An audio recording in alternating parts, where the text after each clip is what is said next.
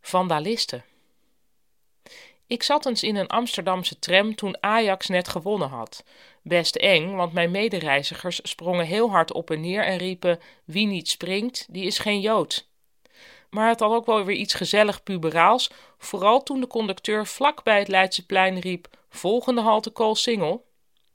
Ooit was het de gewoonte onder supporters om enthousiast te scanderen: Wij zijn vandalisten. Dat woord bestaat nog niet zo heel lang. Vroeger heette iemand die graag aan zinloze vernielingen deed een vandaal. En dat komt van de Vandalen, een Oost-Germaans volk dat in de vijfde eeuw Rome heel vakkundig heeft geplunderd. Zo vakkundig dat we het er vijftien eeuwen later nog over hebben. Van dat woord vandaal werd de term vandalisme afgeleid. Na een tijdje hadden mensen het liever over het vandalisme dan over de vandaal. Vandaal werd een beetje vergeten en toen leek het ineens of vandalisme van vandalist kwam. Zoals het realisme bevolkt wordt door realisten en niet door realen. Zoals het socialisme gepropageerd wordt door socialisten die niet per se sociaal hoeven te zijn. Zo zou het vandalisme wel van de vandalisten zijn. En het klinkt ook lekkerder. Zodra iets met een isme te maken heeft, is het waarschijnlijk bestudeerd door de sociale psychologie en moet je het dus heel erg serieus nemen. Op een dag is naast vandaal ook vandalist opgenomen in het woordenboek. Dat kun je raar vinden, een soort taalvandalisme zelfs. Aan de andere kant hadden we anders verwacht van een instelling die zichzelf vandalen noemt. Toch is het gevoel dat je bij vandaal krijgt anders dan bij vandalist. In Arnhem zag ik met grote letters op een dichtgetimmerd pand staan: Hier woont iemand, godverdomme. Laat mij met rust, vandalisten en inbrekers. Had hier vandalen gestaan, zou ik verwacht hebben dat er in het huis een vervuild mannetje van tachtig woonde. Nu dacht ik meer aan een kraker op leeftijd, met een spijkerjasje aan en een veiligheidsspeld in zijn oor. Zielig. Na een kleine ingreep lag ik op de bank zielig te zijn. Makkelijk is dat niet. Als je te manhaftig doet, vindt niemand je zielig en dat is zonde, want dan heb je er niets aan. Als je daarentegen te zielig doet, dan vindt iedereen je een aanstelster. Het is dus zaak voor een zielig persoon om op quasi-heldhaftige toon te zeggen: nee, het gaat wel.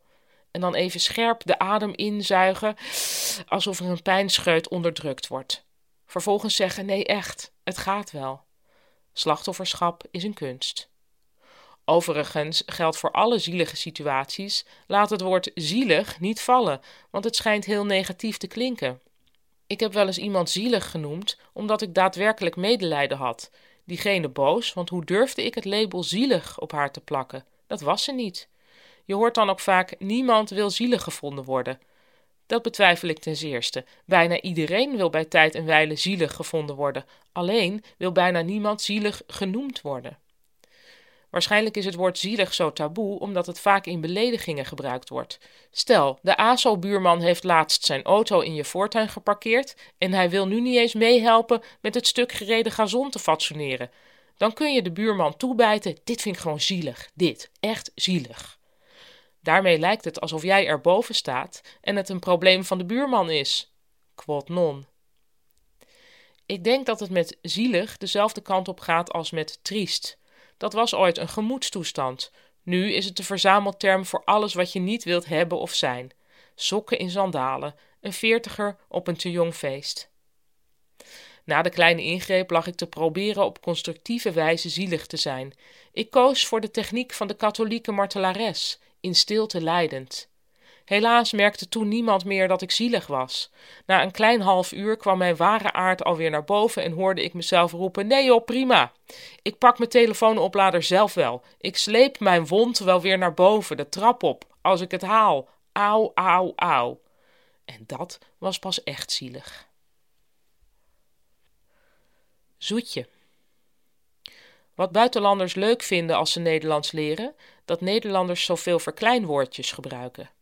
Wat Nederlanders irritant vinden aan andere Nederlanders, dat ze zoveel verkleinwoordjes gebruiken. Of het nu charmant of juist irritant is, dat we dit doen, is waar. Er zijn mensen, vrouwen, die in elke zin drie verkleinwoordjes, pardon, verkleinwoorden gebruiken.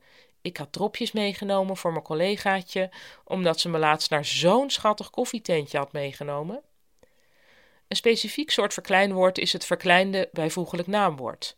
Zo op het eerste gezicht lijkt het alsof dat niet kan, maar denk aan zoetje. En dan niet het zoetje dat sommige mensen in hun koffie gooien, nee, een ander zoetje. Ik denk dat het alweer een jaar of tien geleden is dat lekker eten een nieuwe religie werd. Een nieuwe religie heeft hoge priesters nodig en dat zijn de mensen die foodies worden genoemd. Foodies laten graag weten dat ze foodies zijn en dat doen ze door middel van een veelvuldig gebruik van verkleinde bijvoeglijk naamwoorden. In die safraansaus zit een heel verrassend zoetje en dat doet het goed als tegenhanger van het zuurtje. Hmm, klopt, maar ik proef ook een bittertje. Ja, dat is dan weer een antwoord op het zoetje. Bijna elk bijvoeglijk naamwoord kun je op deze manier verkleinen tot een zelfstandig naamwoordje. Als het maar positief is voor het eten, want wat bijvoorbeeld nooit zou kunnen is: ik proef een ranzigje in de boter en ook een mufje in het brood. Verkleinwoorden zijn kooswoorden en die dienen dus opbouwend van aard te zijn. In dezelfde liefkozende sfeer worden ook werkwoorden vervormd en verkleind. Er zit een lekker knispertje in die taartbodem, hoorde ik laatst. Echt een knappertje, zeg maar. Hoe krijg je dat toch voor elkaar? Alle verkleinwoorden in de culitaal zijn bedoeld om elkaar te voeden met recepten en adressen van restaurants. Zoutje wordt trouwens nooit gebruikt als culinair ophemelend woord, want bij zoutje denken we meteen aan een anti-gastronomisch knabbeltje van duivis. Toevallig. Het woord toevallig wordt vaak op beschuldigende toon uitgesproken. Het eigen gelijk wordt ermee benadrukt. Het woord wordt dan gebruikt als het omgekeerde van toeval. Ik heb er anders wel in mijn eentje voor gezorgd dat de hele auto alvast is ingepakt voor de vakantie. Toevallig. Er zit iets in van: jij denkt dat alles maar vanzelf gebeurt, terwijl ik me loop uit te sloven. Toevallig is het wapen van de passieve agressieveling. Het echte toeval, dat wat je toevalt, is veel mooier. Zo mooi dat mensen bereid zijn toeval te zien in bijna alles. In de Telegraaf stond een artikeltje over de autistische jongen Martijn die spoorloos verdween en in Thailand werd teruggevonden. In dit artikel staat de volgende zin: Een vriend van een collega van Martijns moeder was toevallig op 700 kilometer van Bangkok. Inderdaad, wat een toeval dat je moeder een collega heeft die weer een vriend heeft die 700 kilometer van je verwijderd is. Dat iemand bereid is om dit als een gelukkig toeval te zien, zegt iets moois over de mensheid. We kennen allemaal de verhalen over jeugdvrienden die elkaar tegenkomen op de top van de Mont Blanc, waarna blijkt dat ze al vijf jaar bij elkaar om de hoek wonen. Een soort verhalen waar je alleen maar op kunt reageren met wauw, ja, ongelooflijk. Maar daarmee is het verhaal dan ook af. Zijn deze mensen door dit soort toeval voor elkaar bestemd? Nou, niet bepaald. Het soort toeval dat nauwelijks toeval is, maar met de haren erbij gesleept, is beter. Hier wordt actief geprobeerd het leven gewilliger te maken. Ik moest naar de tandarts en toen werd er in de wachtkamer iemand omgeroepen die toevallig dezelfde achternaam had als de huisgenoot van Robert. En toen dacht ik: nee, ik moet toch met Robert door. Omdat het soms moeilijk is om zelf een keuze te maken, dwingen we het toeval ons te helpen. Het toeval doet ondertussen maar wat maar dat houdt ons niet tegen.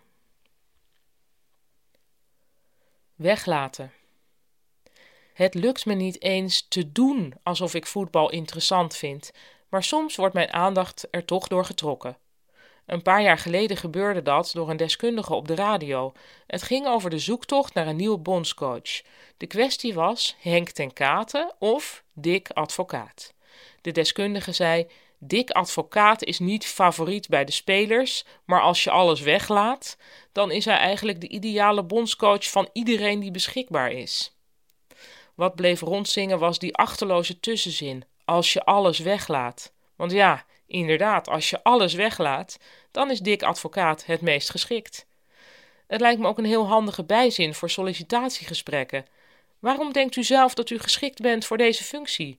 Nou, als je alles weglaat, zoals het feit dat ik graag drink op de werkvloer en ik een verleden heb met agressie en ik mezelf ook niet echt een mensenmens vind, dan ben ik wel echt geschikt. Maar dan moet je wel alles weglaten. Nou oké, dan doen we dat. Wat een vrijheid ineens. Ik denk dat dat weglaten ook in veel relaties een uitkomst zou zijn. Maar hou je nog wel echt van me? Als je alles weglaat, wel ja. Oké, gelukkig maar, want soms denk ik, lieve schat, dat moet je allemaal weglaten. Het ootje. Genomen worden is meestal fijn, maar of dat dan in het ootje moet? Waar ligt het ootje eigenlijk? Is het een liefkozende term voor een auto of verwijst het naar de gemeente Oud-Marsum-Dinkeland? Nee, het heeft te maken met de letter O. Als iemand vroeger voor de gek gehouden werd, vormden de kinderen een kring om diegene heen, een ootje dus. Raar is het wel, als iedereen om je heen begint te dansen, lijkt me dat een duidelijke clue dat je in het ootje genomen wordt. Terwijl een echt goed ootje zou je niet door moeten hebben. Of werd het ootje pas gevormd nadat iemand ergens in was getrapt? Ik ben zelf het type dat alles altijd meteen gelooft en dat heeft mij jaren dwars gezeten. Op de een of andere manier is het toffer om degene te zijn die alles meteen doorheeft. Ik denk wel eens dat dat ook de reden is dat mensen liever een negatieve voorspelling over de toekomst doen dan een positieve, want daarmee kun je na afloop altijd zeggen: Ik had dit al zien aankomen, mij hebben ze niet. Als alles toch goed blijkt te zijn verlopen, heeft niemand het meer over voorspellingen, dus zit je relatief beter met negativiteit. Voor medegoedgelovigen heb ik trouwens de volgende tip. Als je in het ootje genomen bent, meteen roepen: Ach ja, natuurlijk, ik geloof altijd alles. Dat haalt dan toch wat van de vreugde van de ootjenemer weg. Wie al permanent in het ootje verkeert, kan er niet meer in genomen worden.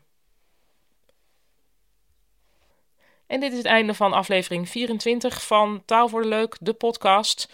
Ik ben morgen terug met een nieuwe aflevering live vanuit mijn eigen kelder. Tot morgen.